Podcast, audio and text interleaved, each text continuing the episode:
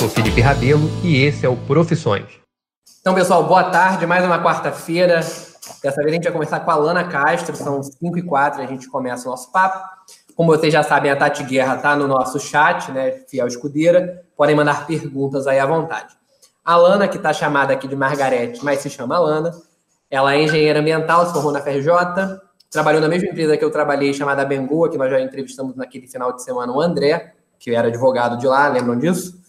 Lana trabalhou lá, a gente se conheceu na empresa. Lana começou como estagiária, foi crescendo progressivamente, acho que ficou lá por oito anos, sete anos uns quebradinhos, virou gerente de área, saiu da empresa, por aqueles motivos que nós conversamos da outra vez, né, que a empresa, enfim, teve uns probleminhas lá financeiros, e abriu uma consultoria de serviços de meio ambiente para empresas de engenharia. Então, Lana, obrigado pelo seu aceite né, em bater um papo com a gente, dividir a tua experiência. Bem-vinda. Valeu, Felipe. Obrigada. Eu que agradeço aí pelo convite. Show de bola. Lana, vamos começar. Por que engenharia ambiental? De onde é que veio isso na tua cabeça? Então, essa, essa pergunta é aquela clássica, né? Que muita gente tem, às vezes tem uma resposta, uma história romântica e tal, para comentar sobre. Mas no meu caso não, tem, não teve nada de romântico assim, não, sabe? É, foi aquela história de sempre, assim, de, de eu estar lá no, no segundo, terceiro ano, pensando em qual graduação seguir, né? E gostando de vários temas. Então, pensei, ah, vou fazer economia, vou fazer engenharia, vou fazer biologia. Era tudo possibilidade para mim, assim, tudo eu cogitava, né? Uhum. E, e aí, dentro da. Até comentando aqui, você falou que eu tô com o nome de Margarete aqui no, no, no chat, né? na, na, conversa, o nome da minha mãe é Margarete, então nem tá tão fora do, do, do foco, assim, né? Do contexto, assim.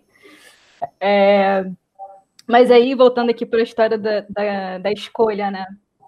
E aí, dentro da engenharia, a minha família, porque eu lembro da minha mãe, a minha família é de engenheiros, assim, né? pai, irmãos e tal. E dentro da engenharia, descobri essa, essa nova engenharia na época. Na época, a engenharia ambiental era uma engenharia super nova. É, engenharia sendo uma, uma formação antiga, né? Engenharia civil é uma profissão muito clássica, né? Mas engenharia ambiental ninguém nunca tinha ouvido falar. E aí, nessa novidade da ambiental, eu comecei a pesquisar sobre, tinha pouca informação na época sobre a profissão e tal. É, e aí eu me senti é, motivada assim, a descobrir mais sobre isso, que juntava a engenharia e também outras N, N, outros N assuntos né, que a engenharia ambiental trata, não só a engenharia clássica, a parte de projeto, mas também você vê um pouco de biologia, você vê economia, você vê a parte é, socioeconômica, enfim, você vê um pouquinho de várias coisas. E aí eu pensei, ah, vou, vou estudar isso então, um pouquinho de várias coisas numa engenharia nova. E aí surgiu a engenharia ambiental na minha vida. E é muito diferente, né, você fazer engenharia ambiental, porque eu não, não vou ter essa precisão exata, né? Você entrou na faculdade em que ano, você lembra? Foi em 2004. A gente não tinha tido Rio Mais 20 ainda, por exemplo, ainda estava no recente Eco 92, alguma coisa, Conferência de Paris nem se pensava. Isso é muito interessante, né? Exato, até quando, quando eu decidi pela engenharia ambiental, e na época é, por condições assim de família, tinha que ser por uma faculdade pública, né? Sim. Então, eu só tinha opção de fazer no Rio de Janeiro, no estado do Rio, só tinha engenharia ambiental na UFRJ. Então, ou eu passava na federal para engenharia ambiental, ou não tinha outra opção, porque na UERJ não tinha na época, na UF não tinha. É, então, até um pouco receosa na época do vestibular, caramba, mas vou fazer só para uma, né? É claro que eu, eu fiz vestibular para todas as outras. Aí eu coloquei civil, engenharia civil na UERJ, coloquei outra engenharia na, na, na UF, mas eu busquei também fazer vestibular para outros estados, porque São Paulo também tinha é, graduação em engenharia ambiental e Minas também, na, em Minas e em Viçosa. Então eu aumentei um pouquinho meu leque, assim, na época do vestibular, porque era a engenharia ambiental na época realmente era. Eu fui da segunda turma da, não tem tanto tempo assim que eu me formei, eu fui da segunda turma de ambiental da FRJ, né? Justo, essa fantasia é boa, né? Tem pouco tempo que eu me formei, tá certo. Agora, na verdade, também que a gente vai falar de engenharia ambiental, você fez uma época de vestibular que não era um Enem, né? Como é hoje, pra, que valia para tudo. Era cada universidade com a sua respectiva prova. Perfeito. Então, passar no FRJ era um gabarito, né? Assim, tinha que porque tinha um macete de prova, tinha um formato diferente. E aí eu vou te perguntar o seguinte, Lana, quando você entrou na faculdade, você teve contato com biologia, com essas matérias mais ambientais, ou você ficou muito na engenharia? Como é que era esse período aí? Matérias de engenharia ou biologia?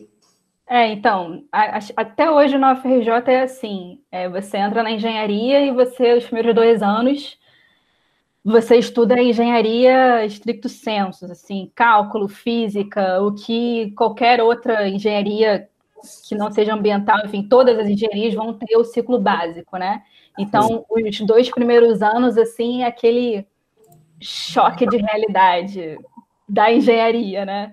Matemática é, e também. Da, e da matemática e física, que no final das contas, depois que você atravessa esses primeiros dois anos aí, é, fica tudo mais tranquilo, assim. Realmente é, o, é, aquele divisor de águas, né? Quando você.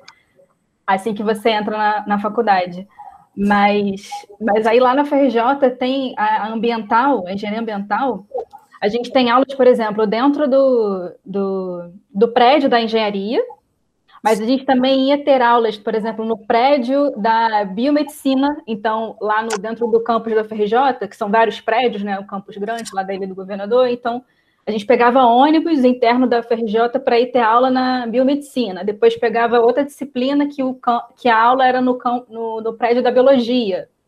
Então, a gente também tinha alguns contatos com os alunos das outras graduações, de biologia, biomedicina, e dentro das engenharias também. A gente teve é, aula com engenharia naval, com engenharia civil, porque a ambiental tem interface com, com com diversos temas, né? Então eles, eles aproveitavam para colocar a gente com aulas de em diversos prédios, assim, lá dentro da PJ.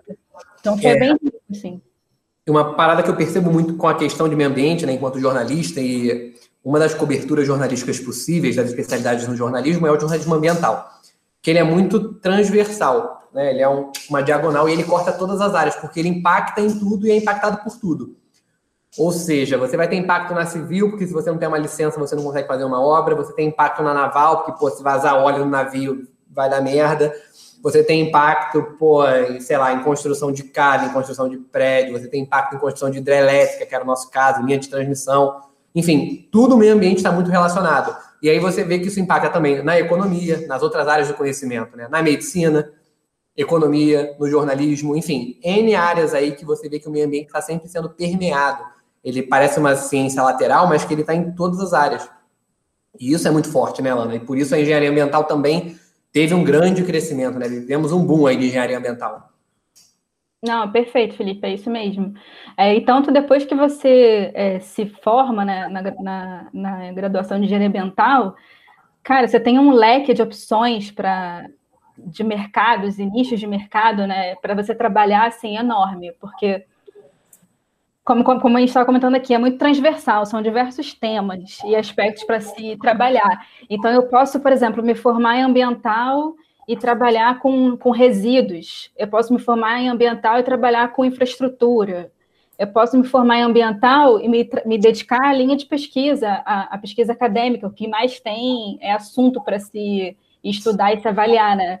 Então, assim, a ambiental é só um primeiro passo por uma, por uma, pensando assim em termos de carreira, né? E N possibilidades que depois da, de formado você pode pensar em continuar trilhando, assim.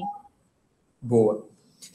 Vamos lá, aí você estava na faculdade, aí como todo bom aluno de faculdade, que frequenta chopadas, que vai a festa... Exato, desse tipo mesmo. Foi arranjar um estágio. E aí estágio da Lana foi na Abengoa. Lana, como é que foi essa experiência? Você entrou numa empresa que estava em que tamanho? Como é que era a tua vida ali? Foi andando lá no corredor do bloco C do Centro de Tecnologia da FRJ. Tinha um anúncio, porque nessa época, que não tem muito tempo assim. Cara, tem no WhatsApp. tinha um papel, assim, as vagas de estágio eram anunciadas, enfim, até, até hoje são, né? Não, não, não venham me falar que é só por LinkedIn e, e, Instagram e WhatsApp, porque a gente divulgou vaga de estágio agora na minha empresa e também rolou papel colado no, nos corredores aí das faculdades. Mas Aí eu, enfim, vi esse papel colado lá, vaga de estágio em engenharia ambiental, numa empresa, e nem, nem comentava qual era a empresa, era uma empresa multinacional, espanhola, no centro do Rio, e estágio 30 horas e tal. Eu falei, cara, eu vou, vou, vou tentar. Na época eu tinha tentado poucos estágios, assim. Tinha feito acho que só dois, dois processos seletivos de estágio, não tinha rolado, não tinha passado. Para empresas que têm aqueles processos grandes, que tem dinâmica, tem quatro, cinco etapas para você chegar lá, né? E aí, e aí essa não, essa era meio que você mandava e-mail e com seu currículo, trocava uma ideia por telefone e depois você ia lá fazer a entrevista. E foi muito rápido, assim, esse processo de mandar currículo e quando me vi, sei lá, acho que foi em, em menos de um mês, em 15 dias, eu já estava indo lá começando a estagiar. E foi muito bacana, porque a empresa na época, ela era menor do que ela veio a se tornar, né? Depois muito maior, mas na época, para mim, ela já era gigante. É a primeira experiência de estágio, uma empresa multinacional, então eu estava trabalhando numa área de que juntava vários assuntos, qualidade, meio ambiente, saúde e segurança, no estágio nessa época, né?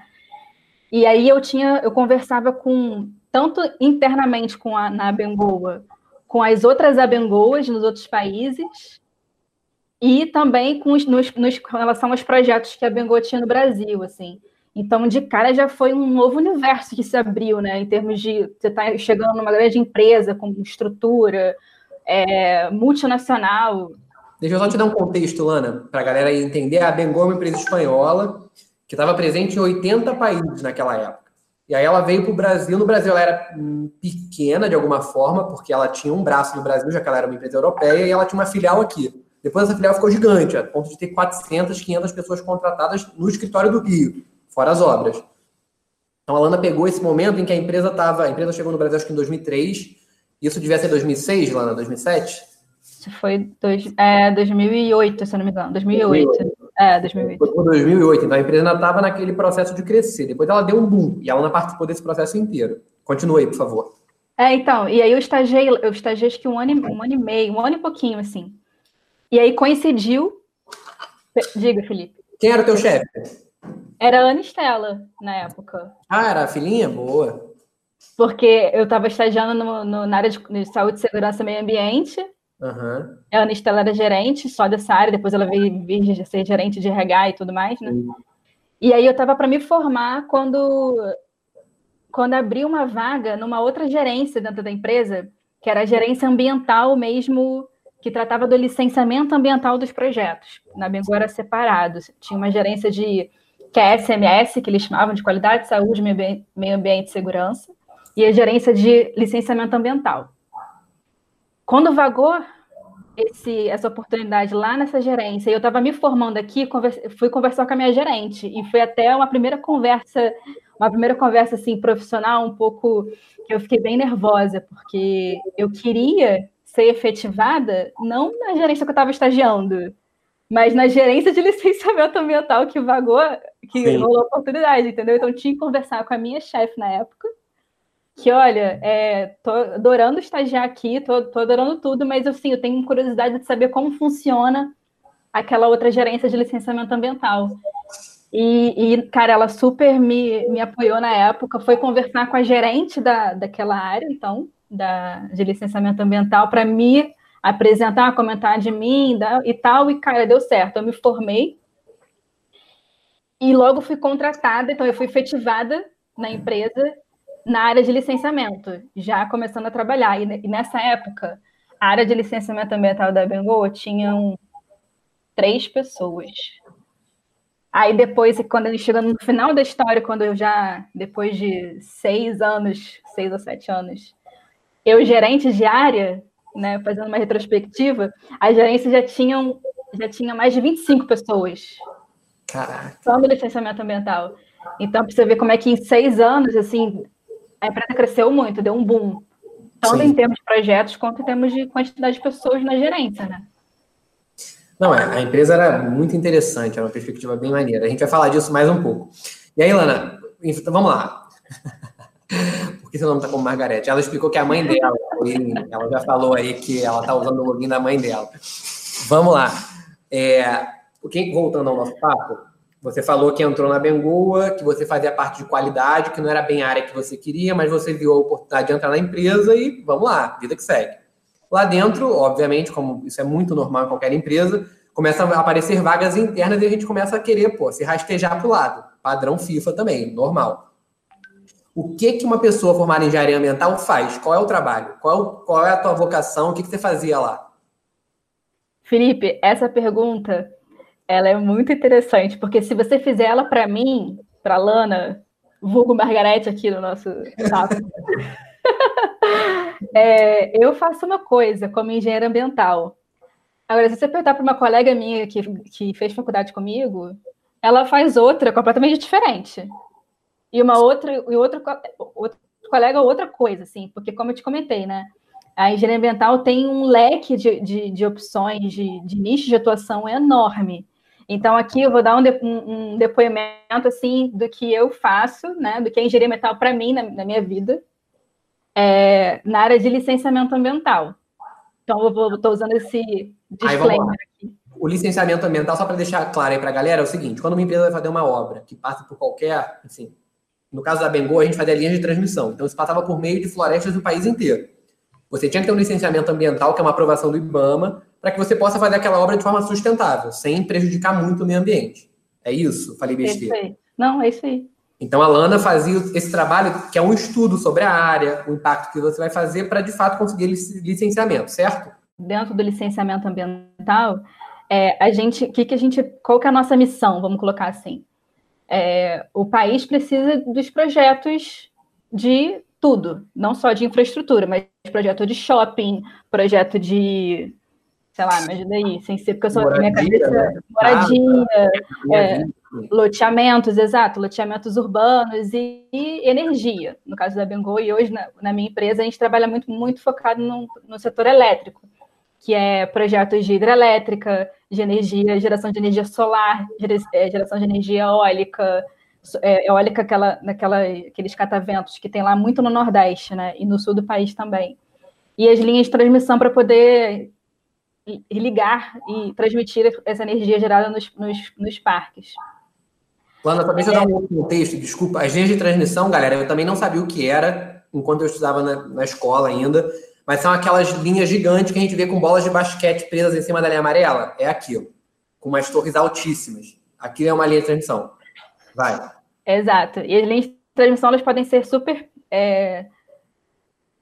Podem, ter, podem ter trechos curtos, por exemplo, ela pode ter 5, 10, 15 quilômetros, ou elas podem ter 2 mil quilômetros de extensão. Né? As usinas de Belo Monte, lá no, no, no Pará, por exemplo, a usina de Belo Monte no Pará, ela tem. A energia de lá vem para o Sudeste em duas linhas de transmissão e elas têm mais de 2 mil quilômetros cada uma. Então, aí você imagina. Então, voltando aqui, nosso país precisa de infraestrutura e a gente precisa executar esses projetos, essas obras. Como viabilizá-los com o menor impacto ambiental possível e com as melhores técnicas de engenharia? E aí que está a interface da a grande questão da engenharia ambiental, assim é, a gente vai analisar na fase de planejamento o projeto. Então, por onde que aquela, por exemplo, seja linha de transmissão, seja rodovia, que são é, empreendimentos com, com, um traçado linear, né? Avaliar esse, esse local, esse corredor por onde a linha de transmissão, ou a rodovia, ou a hidrelétrica vai ser implantada, ver todas as variáveis socioambientais e dentro de socioambientais, a gente vai avaliar o quê? Como que é o terreno, o relevo, a suscetibilidade à erosão, é, se tem comunidades tradicionais, se tem é, projetos de assentamento do INCRA. Então, olha só quantas coisas eu estou falando, que às vezes você pensa assim, ah, mas não tem nada a ver com, com engenharia ambiental. Não, tem a ver com engenharia ambiental, né? É, o, bioma se atravessa a Mata Atlântica, se atravessa é, é floresta amazônica, se tem alguma espécie de fauna da flora ameaçada de extinção naquele local. Então, tudo isso num projeto de infraestrutura, ou enfim, até projetos menores, quando a gente pensa num loteamento urbano, por exemplo, ou numa expansão urbana, a gente avalia isso. O projeto precisa avaliar isso para ele se ser implantado é, em conformidade e considerando todos esses aspectos. Então, se você for pensar, é, for perguntar para o engenheiro civil o que, que ele vai avaliar quando chega um projeto para ele, talvez ele vai ver ah, como é que aquele solo, como é que é a resistência, como é que vai ser a fundação da, daquela torre de transmissão, por exemplo, ou como é que vai ser aquela barragem da hidrelétrica para suportar aquela carga de água lá do reservatório, né? Então, o engenheiro civil vai estar mais ligado com essa questão. O engenheiro elétrico, ele vai estar ligado com o quê? Não, quais são os equipamentos, é, qual é o, a, o, volume de energia, como é que eu vou dimensionar o meu sistema elétrico dentro dessa hidrelétrica, por exemplo. E o ambiental vai avaliar as variáveis socioambientais para aquele projeto ser implantado. Então, o licenciamento ambiental, ele é dividido em três etapas, né? Ele é na, na etapa de licença prévia, de licença de instalação, que, inicia, que autoriza as obras, e licença de operação, e nessas etapas, o projeto de engenharia é levado à avaliação do órgão ambiental, para ele aprovar. E só depois que o órgão ambiental aprova, é que a empresa pode executar o projeto, colocar ele em construção e depois colocar ele em operação. E o, tem a questão assim, ah, mas qual é o órgão que licencia? Porque às vezes a gente fala de IBAMA, a gente fala de, aqui no Rio, por exemplo, temos o INEA, que é o órgão estadual de meio ambiente, e aí dentro do município do Rio, temos a Secretaria Municipal de Meio Ambiente, que também licencia, que também avalia os projetos. Então, são de, o, o, o, país ele tem diversos órgãos ambientais, dependendo do, do, do, do nível do projeto, do, da abrangência do projeto. Então, se a gente está falando de um projeto pequeno, no município do Rio, quem vai avaliar esse projeto vai ser a Secretaria Municipal. Se é um projeto maior, que a abrangência dele por exemplo, dois municípios, quem vai licenciar esse projeto? O INEA, o âmbito estadual, porque já está já tá pegando dois municípios. E se for um projeto que extrapole os limites estaduais, pegue dois estados, então vai ser o IBAMA, o órgão federal que vai licenciar. Estou falando um monte de coisa aqui super rápido, né? Mas vou tentar falar um pouquinho mais devagar, porque é muita informação. Mas isso tudo, enfim, faz parte do, do nosso dia a dia aqui como como engenheiro ambiental recebendo projetos para avaliar e para viabilizar, entendeu? Essas perguntas são, faz parte do dia a dia, assim. Bom, e aí a Ana, como ela estava falando, esse é um pouco da vida dela, Ana, que teve essa experiência, que trabalhou nesse setor e etc. Mas outro engenheiro ambiental vai ter uma experiência totalmente diferente. Exato, é. Por exemplo, tem colegas que trabalham, tem uma colega que trabalha na área de petróleo, de posto, de refinaria de petróleo, é, distribuição de petróleo posto de gasolina. É uma outra, é um outro mundo, assim, sabe? Que, que, enfim, tem colegas que trabalham com a parte de saneamento básico, que é, é, é tratamento de água e esgoto, que aí está mais focado para uma parte da engenharia, que tem mais físico-química, por exemplo, que não, eu não manjo muito. Entendi. Mas é uma outra. Aí, tipo assim, esse cara, ele é engenheiro ambiental, mas ele tem uma outra vivência de, de, de profissão, entendeu? Sim, boa. E aí eu vou, vou dar sequência no que a Alana explicou para a gente sobre licenciamento de empresa, como é que um projeto é licenciado para ele ser implantado e começar a ser executado de forma, de fato, né? E a Beatriz mandou uma pergunta para a gente que é a seguinte. As licenças que as empresas normalmente pedem são focadas em desmatamento? A, licença para desmatar é uma das licenças ambientais, né? Necessárias para construir. Certo? Oi? Eu estou no desmato de pronto, eu tenho uma contrapartida aí. Ah, sim, com certeza. É, é, tudo, tudo que eu comentei ali faz parte do, da avaliação, tanto da empresa quanto do órgão ambiental que vai emitir essa autorização de desmatamento. É, por exemplo, qual é a vegetação? é, do bioma Mata Atlântica, do bioma Cerrado, do bioma Caatinga. Cada um tem uma legislação de proteção diferente. Tem alguma espécie ameaçada de extinção? Se tem, a compensação que a empresa tem que fazer pelo corte daquela vegetação é maior. E dependendo do tipo de projeto, você nem pode implantar se ele está numa área que tem, que tem espécies ameaçadas de extinção. é, como a gente trabalha aqui, como eu trabalho muito com projetos de energia, projetos de energia no país são enquadrados como projetos de utilidade pública.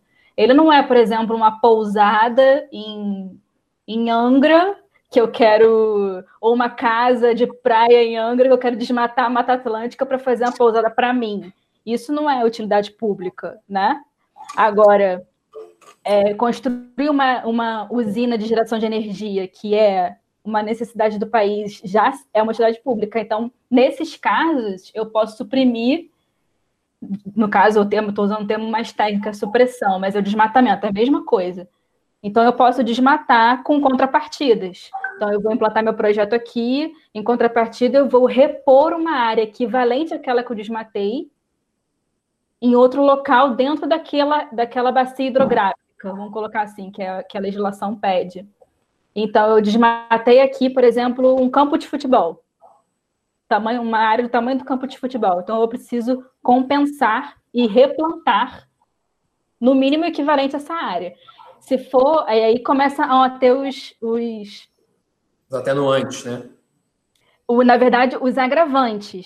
Hum. Porque se naquela área tem espécie ameaçada de extinção, então, em vez de compensar o equivalente, eu vou é, compensar o dobro. Essas regrinhas são todas estabelecidas na legislação ambiental de cada município, estado e federal. Entendi. Porque assim, a gente olha muito como se as empresas fossem ah, a vilã e quer desmatar, e óbvio que sim, porque ela quer ganhar dinheiro, mas não necessariamente às custas do meio ambiente, né? Ela precisa implantar um projeto, mas ela também está disposta a compor, se for o caso, ou a recompor, e é por isso que ela contrata uma assessor, uma consultoria de engenharia ambiental, por exemplo, porque ela tem um órgão interno de engenharia ambiental para isso. Perfeito, é isso mesmo, Felipe. É, claro que tem empresas que atuam de forma irregular, né? É, em todos os nichos, não só no, no, ambiental, mas no âmbito fiscal, no âmbito, enfim, às vezes RH, é, empresas, algumas empresas sim praticam ações que são irregulares, assim. É, desde pequenas a grandes, assim, mas pelo menos as que eu a Bengoi que eu trabalhei e as empresas para quem eu presto consultoria hoje nos procuram justamente para viabilizar os seus projetos dentro da lei, dentro da legislação ambiental. E a lei exige que se você faz o desmatamento de X, você tem que compensar Y ou mais que ou compensar compensar X ou duas vezes X ou três vezes X, dependendo do que você está desmatando. Boa. E não é só uma questão ambiental, né, enquanto meio ambiente, planta, mato, não é isso. Também tem uma questão social aí.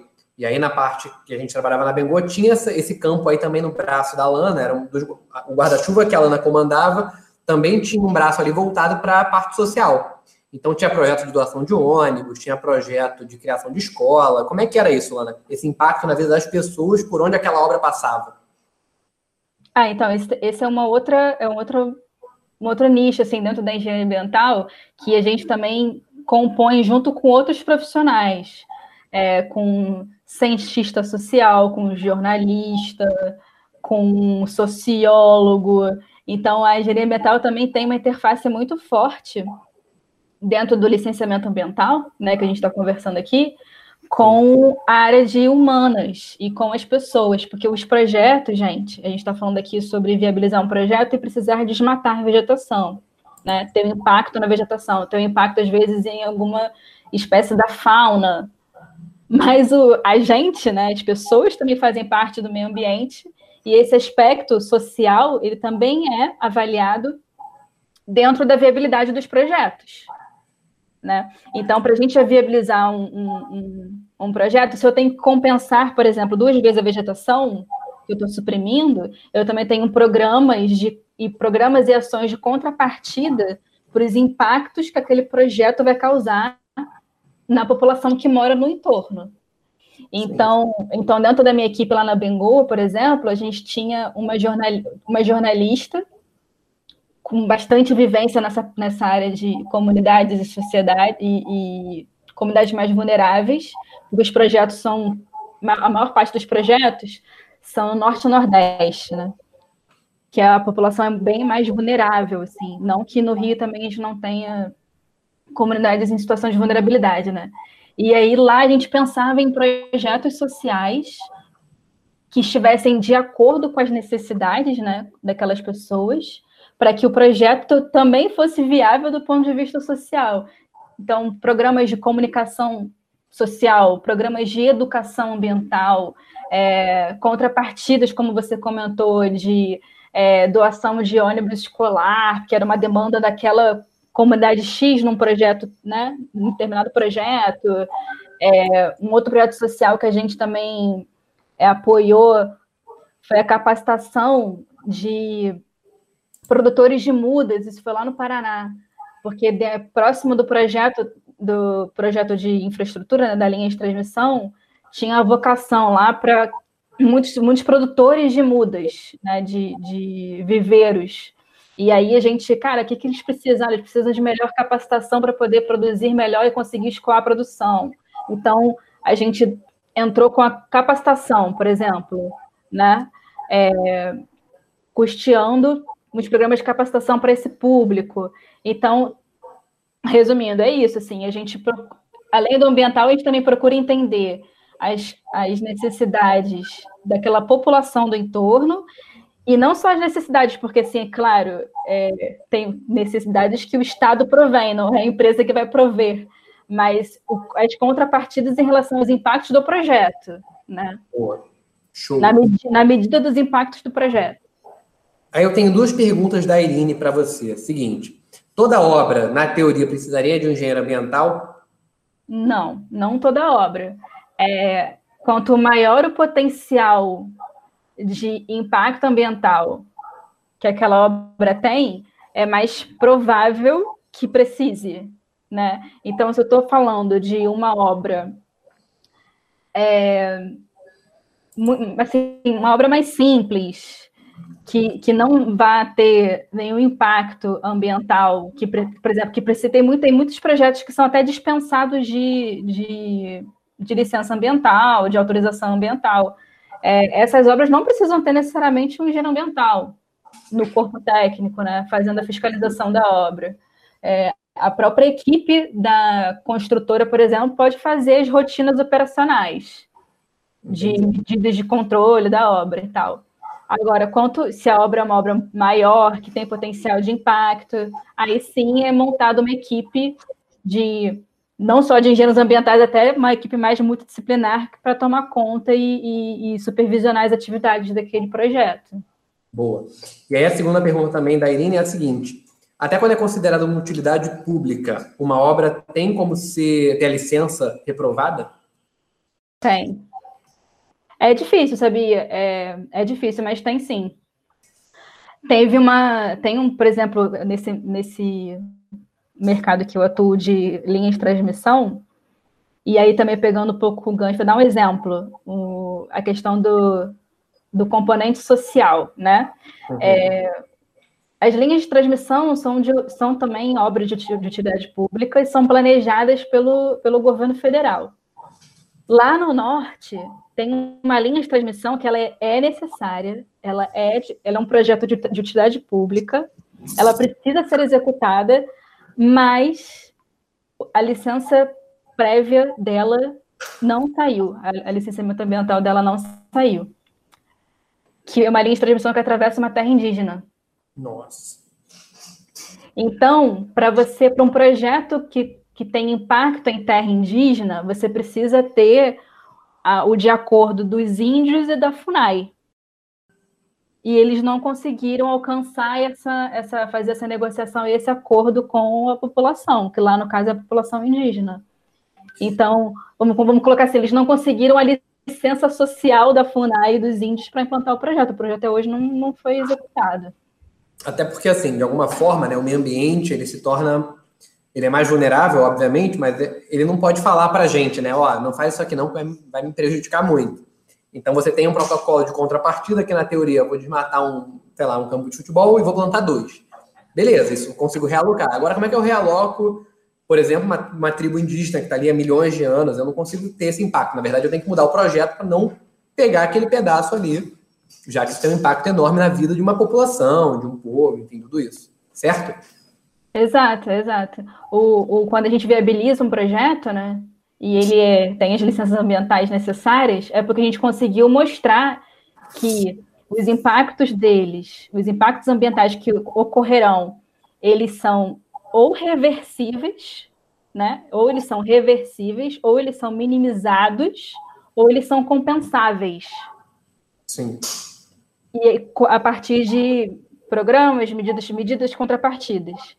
Se eu cheguei num projeto que eu avaliei que ele não é, que ele tem impacto, por exemplo, que ele é o impacto irreversível, ou impacto que não é compensável, então ele não é viável, né? Eu não consigo executá-lo nem com programas e contrapartidas e com ações para mitigar, compensar, prevenir os impactos.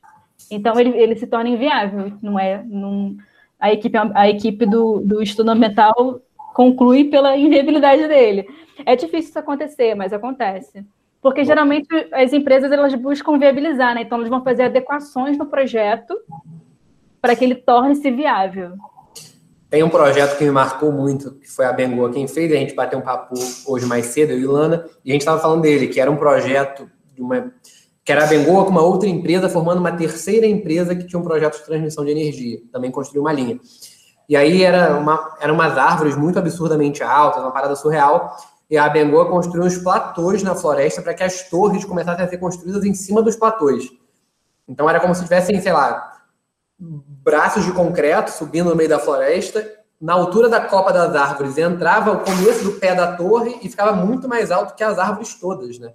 Isso era uma coisa assim, pô, fascinante na época. Isso tudo para poder evitar o desmatamento da floresta amazônica, isso, isso, isso é lá no norte, para evitar o desmatamento, ou para evitar ou diminuir para minimizar. Né? Porque se colocar essas torres na altura máxima dela possível, ainda assim seriam torres baixas frente ao tamanho das árvores lá, né?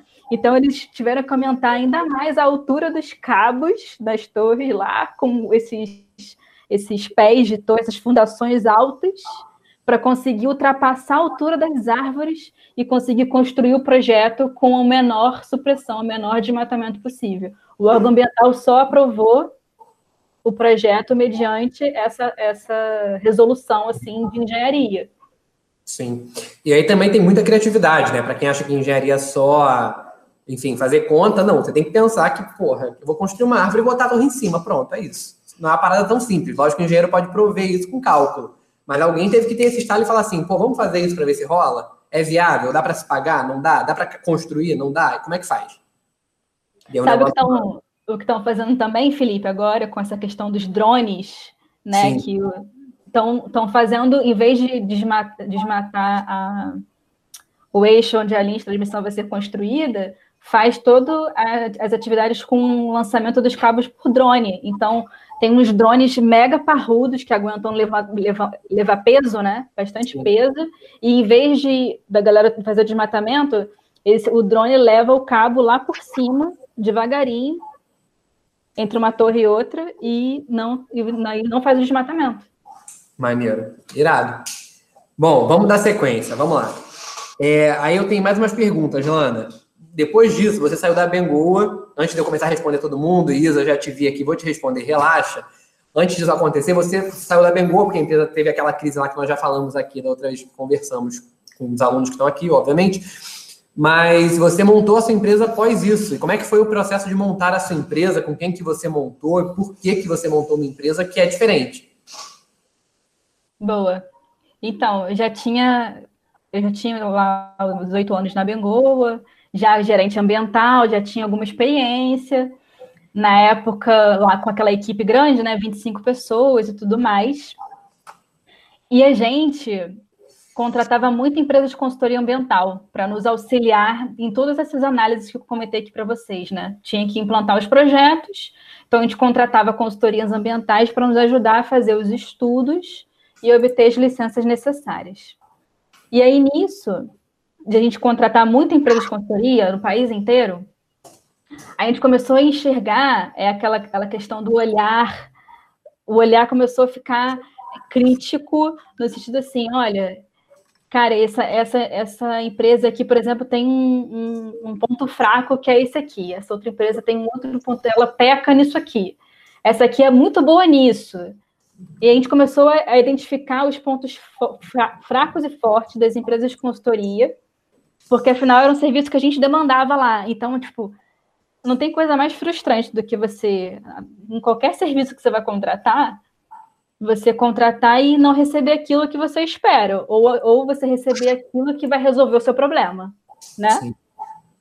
Então, na Bengo, a gente via isso acontecer. A gente contratava uma consultoria para nos ajudar a resolver um problema ou viabilizar um projeto.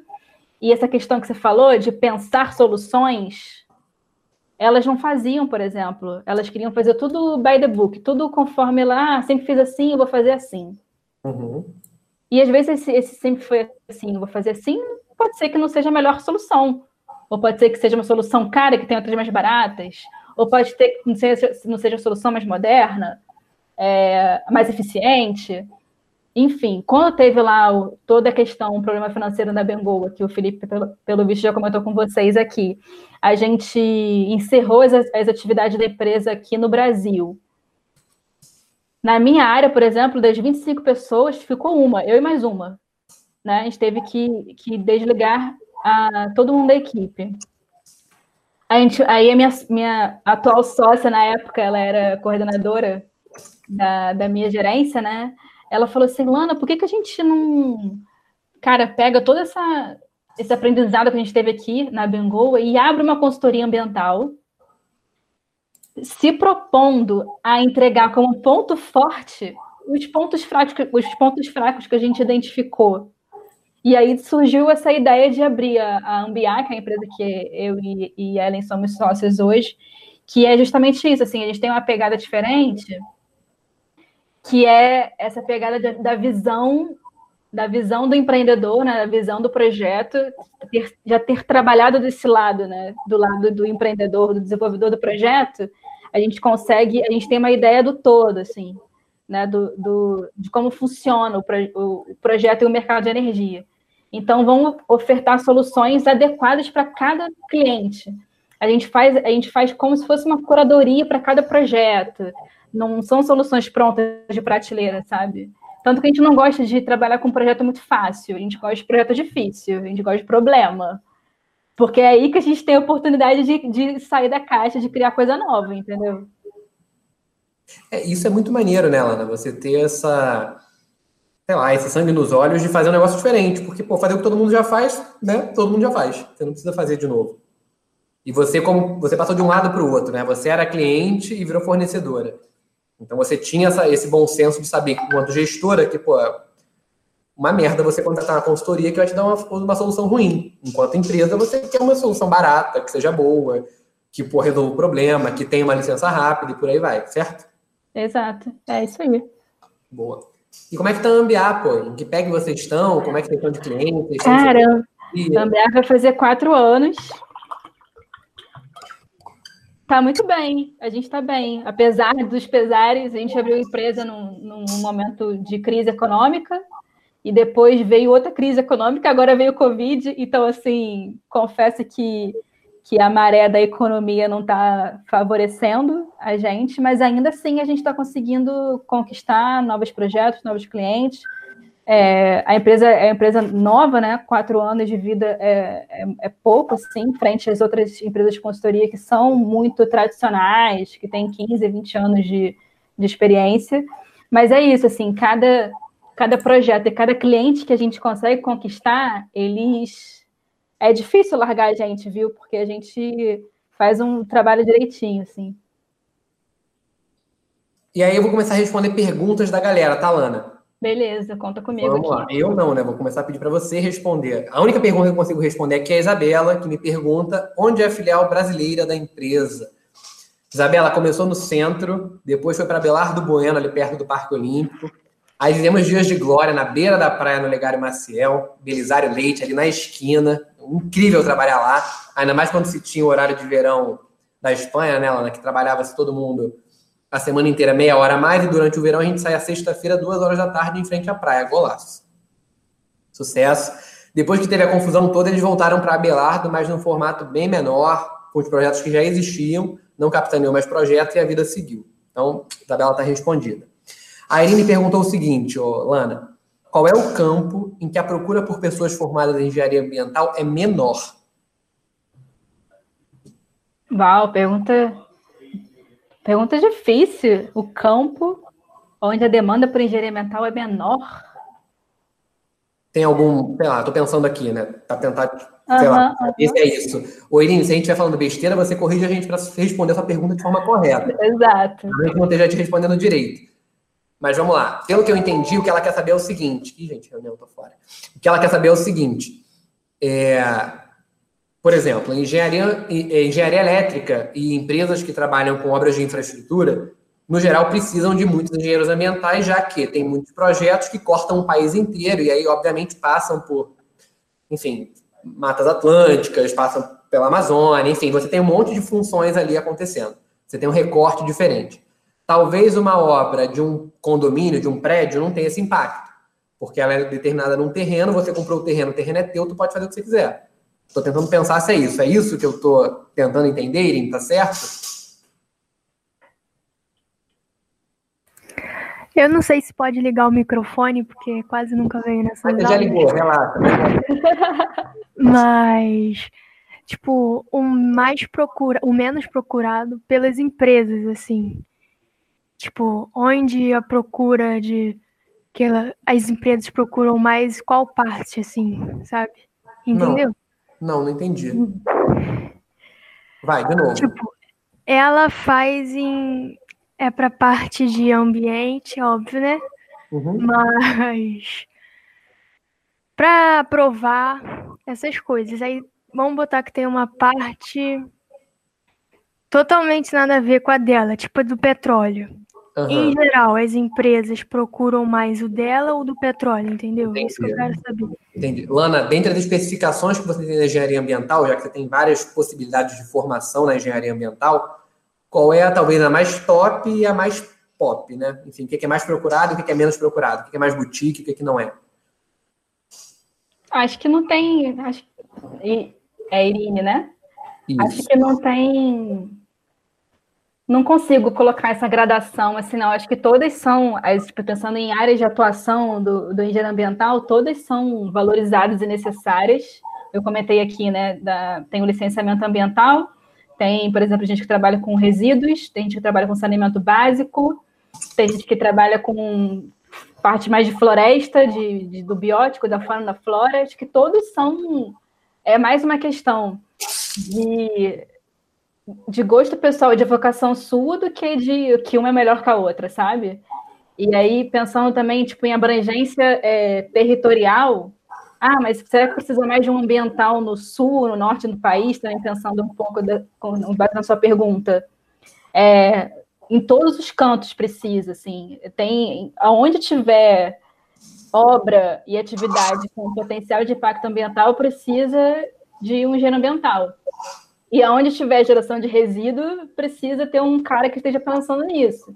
E idem para saneamento básico, todo lugar precisa de estação de tratamento de esgoto, todo lugar precisa de estação de tratamento de água, é, toda indústria, pensando aqui, vamos um pouquinho para a área de indústria, né? Toda indústria também precisa de um ambiental para ver a questão dos, do, dos aspectos e impactos ambientais da indústria com relação a efluente, líquido, com relação à emissão gasosa, é, com relação ao próprio processo produtivo. Então, cara, é, são N, N possibilidades que você pode ter pra, na engenharia, engenharia assim, não, não consigo pensar em uma menos requisitada do que a outra. A demanda tem para todas. Boa. E aí, eu acho que só para complementar a Lana, talvez possa estar falando besteira, mas acredito, espero que não.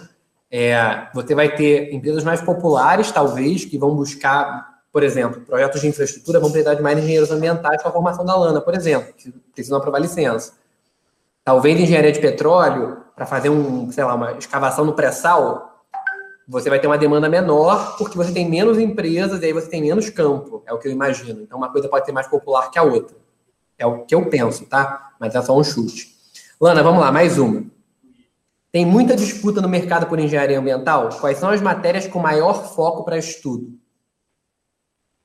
Pergunta da Beatriz. Beatriz, você quer saber se estudar para passar no vestibular ou estudar dentro da faculdade para depois virar um profissional? O que, que você quer entender aí?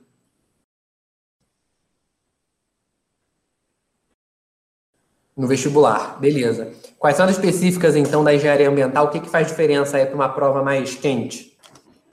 Da, da ambiental, é porque não sei como é que é hoje, Felipe, com relação a Enem, assim, mas quando eu fiz vestibular, né, é, foi isso que você comentou, é, era uma prova para cada faculdade. E era as, as específicas da, engen da engenharia ambiental, Beatriz, são as específicas da engenharia, que é matemática e física.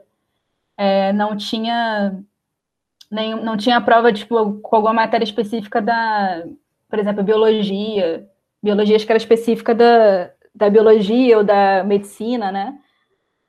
As específicas da, da engenharia de qualquer outra engenharia, da engenharia ambiental. Boa. Não tem biologia, que horror. Justíssima. Super, sua colocação está correta. Vamos lá. é, então, mas aí, Felipe, tem que ver como é que está hoje com relação ao Enem, entendeu? Porque na, quando, eu, quando eu fiz era assim, mas agora com o Enem eu não sei se tem diferença. Mas nem tem mais segunda fase, né? Eu acho que não tem. Para engenharia, esse tipo de coisa, eu acho que não tem. O Enem é, é uma então... única e um abraço, meu irmão. Boa sorte. É, quando eu fiz, por exemplo, eu tinha uma prova que era todas, todos os assuntos, e outro uhum. dia tu ia fazer a prova das específicas. Sim, quando eu fiz também era assim. É. Lógico que não para engenharia, né? Obviamente.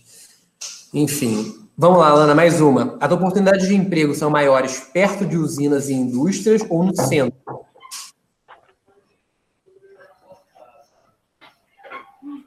Também falando, pensando, pensando um pouquinho para responder, é, em todas, assim, em todas, porque, de novo, né, vamos lá, se você for atuar na, com saneamento básico, você, todas as cidades, área urbana, cidades, e claro que quanto maior a cidade, mais demanda por isso você vai ter. Pensando na área de licenciamento ambiental, que está relacionado aos projetos, é, as empresas ficam majoritariamente no eixo Rio-São Paulo, algumas no sul e outras poucas no Nordeste. As sede das empresas, né? Mas os projetos que as empresas executam são no interior do país. Então, assim, quando, quando você, se você pensa em fazer uma engenharia ambiental ou qualquer outra engenharia que tenha, que tenha relação com projeto e obras, você tem que pensar que bem provavelmente você vai viajar para esses, esses locais mais distantes, onde estão os projetos. É, pode ser que você tenha que se mudar para o Maranhão, para o Piauí, para o Pará, para o Ceará, entendeu? É, pode ser que não. Por exemplo, eu na, na, na empresa na Bengoa e hoje na minha empresa, eu consigo manter uma rotina de morar aqui no Rio fazer viagens. Vou até o Pará, vou até o Ceará, o Maranhão e volto. Então eu consigo fazer isso, porque eu não fico full time, não fico o tempo todo no projeto. Agora, tem engenheiros ambientais que ficam, que se mudam e ficam lá um ano e meio, dois anos morando no interior do Ceará. E aí depois a empresa, a empresa é em São Paulo, a sede da empresa. Mas o, mas o engenheiro ambiental está lá no Ceará. Aí essa empresa de São Paulo pega um outro projeto para desenvolver no Rio Grande do Norte. E aí você vai se mudar do Ceará para o Rio Grande do Norte, porque você vai acompanhar o projeto. Você vai estar onde a atividade está acontecendo. Né? Então, mais ou menos por aí, assim. Justo. E assim, é muito difícil ter um projeto em Trancoso, Jericoacoara, você vai pegar projeto em Piripiri, você vai pegar projeto em. Como é que era o nome lá de Belém, Lana? Eu não vou lembrar, no Pará. Marabá, que eu te falei hoje de Marabá, manhã. Marabá, exato. Você vai pegar cidadezinha que, pô, tem, sei lá, 5 mil pessoas na cidade, que é um terreiro, né? Só tem terra, gente e tá tudo certo. É, mas é interessante também você conhecer, pelo menos assim, né? Eu sempre tento ver o copo meio cheio.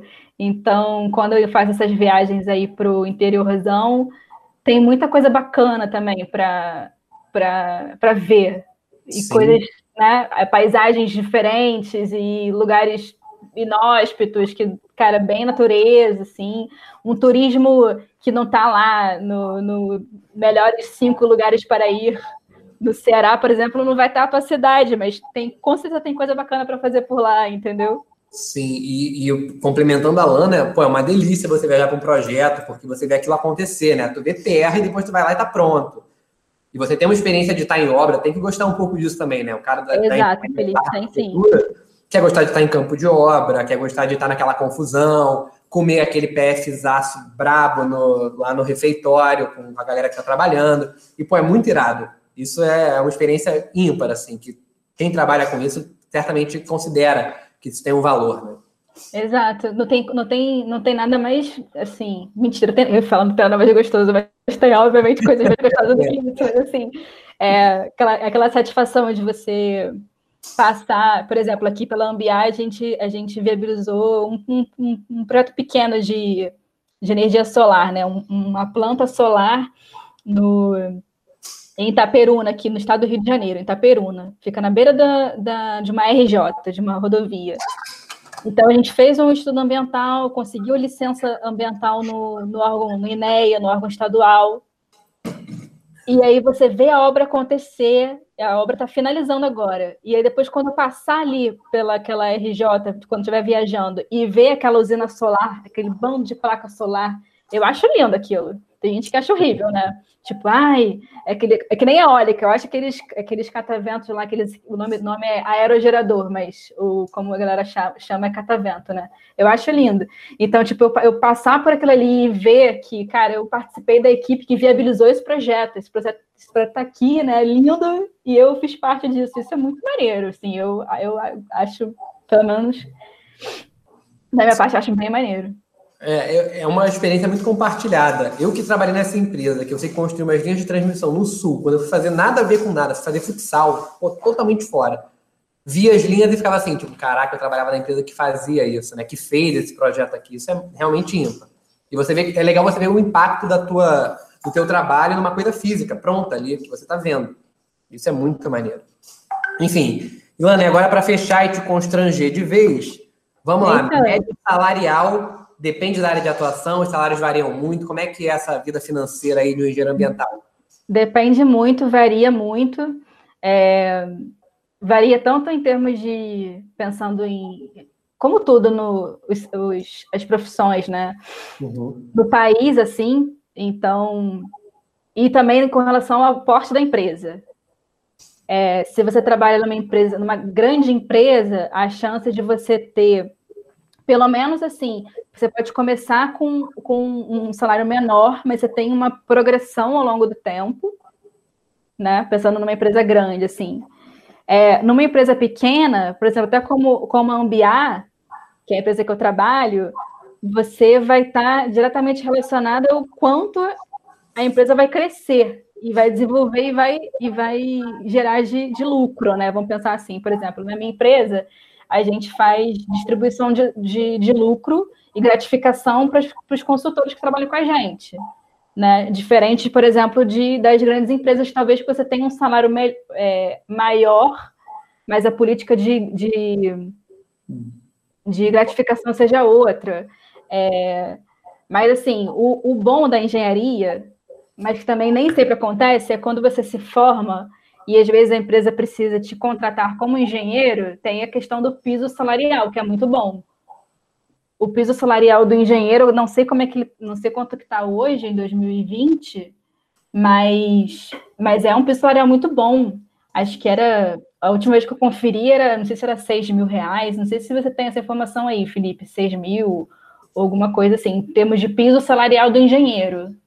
Eu acredito que seja por aí, sim, Lana. Pelo que eu lembro da Bengoa também, era por aí. É, entre 6 e 7, assim, o piso salarial. Mas é isso a empresa te contratando como engenheiro ambiental. O que pode acontecer, o que acontece muito, é a empresa te contratar, por exemplo, como um cargo de analista ambiental. Você é formado em engenharia ambiental. É, ó, tá, Tayane Guerra tá, tá comentando aqui, entre 6 e 7. 600, é isso. Boa, boa. Isso dá pra quando... viver, né, galera? Dá para viver numa boa aí. Né? salário tá reais, tá, porra, dá para fazer uma compra no fim do mês. Tá tranquilo. Dá sim, dá sim. Mas é isso, nem, não necessariamente o, a empresa vai te contratar como engenheiro ambiental na carteira. Esse, esse, isso aí serve quando eu te contrato como engenheiro. Às vezes ela vai te contratar, contratar como um analista, se ele já tem outras Porque o engenheiro é caro. Você contratar alguém como engenharia, como engenheiro, como você pode ver aí, que a, a Thay comentou, é um salário, né? Isso aqui, gente, para um engenheiro civil, por exemplo, se você está. embaixo agora, ó, vai de quase 6 a 6,600, mais ou menos. Se você é recém-formado, pensa comigo, você é recém-formado, você tem seis meses de experiência de mercado, e aí você é contratado como engenheiro, você já sai ganhando isso daí. Isso é tipo, para mim, é um mega salário, assim, pensando. Porque aconteceu isso comigo, né? Quando eu fui, quando eu formei fui efetivada na Bengoa, eu fui contratada como engenheiro ambiental. Então, cara, eu já tive assim, uou, na época o piso não era esse, não. Na época, é, isso tem 10 anos, né? Então o piso salarial da engenharia ambiental na época era menor. Mas, pô, para mim era um puta salário. É, não, lógico, e, pô, sem dúvida nenhuma, pro cara que acabou de sair da faculdade, ele tá, pô, muito bem colocado, né? É importante, importante. Boa. Lana, e para fechar, qual é o tempo médio de um projeto, assim? Tem essa variação? Ah, vai depender do, tamanho do projeto, né? Por exemplo, essa, essa usina solar que eu comentei que, que a gente trabalhou para viabilizar a licença aqui em Itaperuna, no estado do, do Rio, é, em seis meses ela foi construída. Né? Ela obteve a licença de instalação, a licença do INEA, mais ou menos aí seis meses ela está pronta para operar. Isso é uma usina de, de pequeno porte. A gente está trabalhando num projeto no Ceará, de uma usina solar de grande porte, enorme, que o tempo de obra dela, por exemplo, são 18 meses. É, são quase dois anos de construção. Então, estou dando um exemplo aqui de, uma, de um projeto de energia solar, de geração solar, que aqui no Rio, pequeno, seis meses. Lá no Ceará, enorme, quase dois anos, né? Então vai depender do, realmente do, do, do, tamanho do projeto, enfim, isso varia muito. Pô, é isso. Golaço. Lana, obrigado, viu? Valeu mesmo pela tua ajuda aí, pela tua generosidade de compartilhar com a gente as informações, enfim, ajudar a galera que ainda está em dúvida se quer fazer engenharia, se quer fazer engenharia ambiental, se não quer engenharia, quer fazer qualquer outra coisa. Enfim, brigadão, brigadão mesmo. Pô, espero que possa ter esclarecido um pouquinho aí para vocês.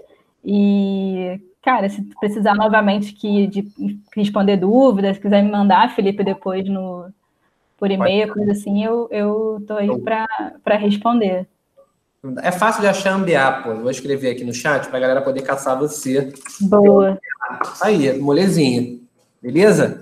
Beleza. Pessoal, semana que vem não sei quem vem ainda, vou descobrir, ver que vocês mandaram, montaram uma lista aí para a gente caçar gente desses perfis. Vamos caçar, tá? Fiquem tranquilos. Valeu, gente. Beijo. Até semana que vem.